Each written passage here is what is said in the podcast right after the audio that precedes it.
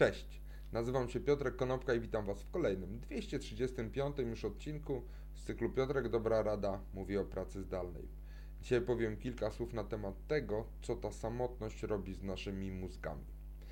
Już w marcu 2020 roku, na samym początku, jak tylko e, Boris Johnson w Wielkiej Brytanii ogłosił lockdown, Daisy Fancourt, jest to epidemiolożka na University College London, jej koledzy rozpoczęli badanie, które roz, e, rozpoczęło takie pierwsze długotrwałe badanie efektów lockdownu w czasie rzeczywistym.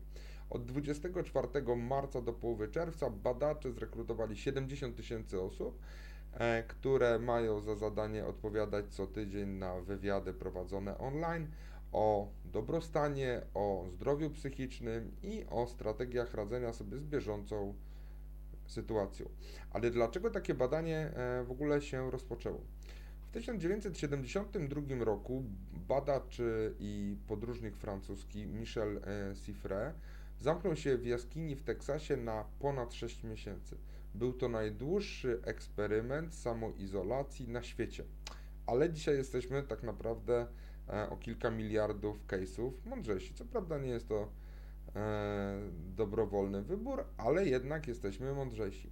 I e, Michel bardzo starannie dokumentował to, co działo się z nim w trakcie tego eksperymentu. Po 205 dniach pisał, że ledwie mógł formułować jakiekolwiek myśli, po pięciu miesiącach by, był tak zdesperowany, że próbował zaprzyjaźnić się z myszką, która była, e, którą znalazł w tej jaskini. Niestety nie udało się e, tej przyjaźni nawiązać. Ale jakie zmiany pojawiają się w naszych mózgach? Na przykład w korze przedczołowej, to w niektórych badaniach ludzie samotni mają mniejszą objętość mózgu w korze przedczołowej, a ta kora odpowiada za podejmowanie decyzji i zachowania społeczne.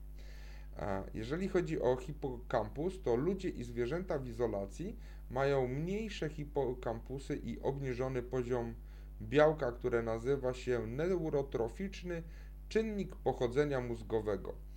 I to skutkuje upośledzeniem procesów uczenia się i procesu zapamiętywania. Dodatkowo pojawia się wtedy też podwyższony poziom kortyzolu, czyli hormonu stresu.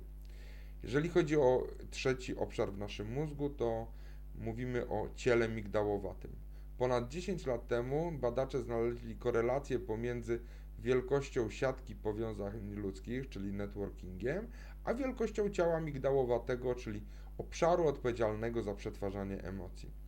Mniejsze ciało migdałowate mają osoby, które są samotne. I jeszcze jeden przykład z wcześniejszych lat. 9 osób na stacji badawczej Neumayer 3 na Antarktydzie było przez 14 miesięcy zamkniętych w tej stacji. Przeżyli oczywiście minus 50, minus 50 stopni w zimie, przeżyli zmianę w dostępie do światła słonecznego, brak kontaktu ze światem zewnętrznym i pojawiły się zmiany w mózgach. Bo badanie przeprowadzone, badanie rezonansem magnetycznym przeprowadzone przez neurologów z Max Planck Institute for Human Development, e, które zostało przeprowadzone przed i po wyprawie, pokazało zmiany anatomiczne w takiej części mózgu, która nazywa się zakręt zębaty. Jest to fragment układu limbicznego. I ten zakręt dostarcza danych do hipokampusa i odpowiada właśnie za uczenie się i za pamięć. Po 14 miesiącach pobytu ten obszar uległ zmniejszeniu o 7%, a członkowie wyprawy mieli również gorsze wyniki testów na spostrzegawczość i uważność. W tym tygodniu mija rok, odkąd rozpocząłem e, nadawanie Piotrka Dobrej Rady.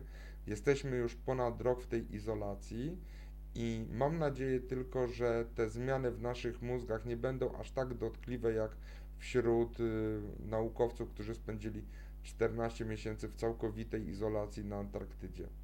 Mam nadzieję, że być może kiedyś ten, e, ta zmiana e, zakończy się.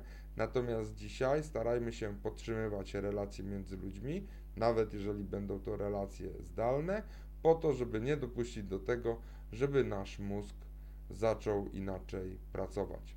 Dzięki serdeczne, do zobaczenia i usłyszenia jutro. Na razie.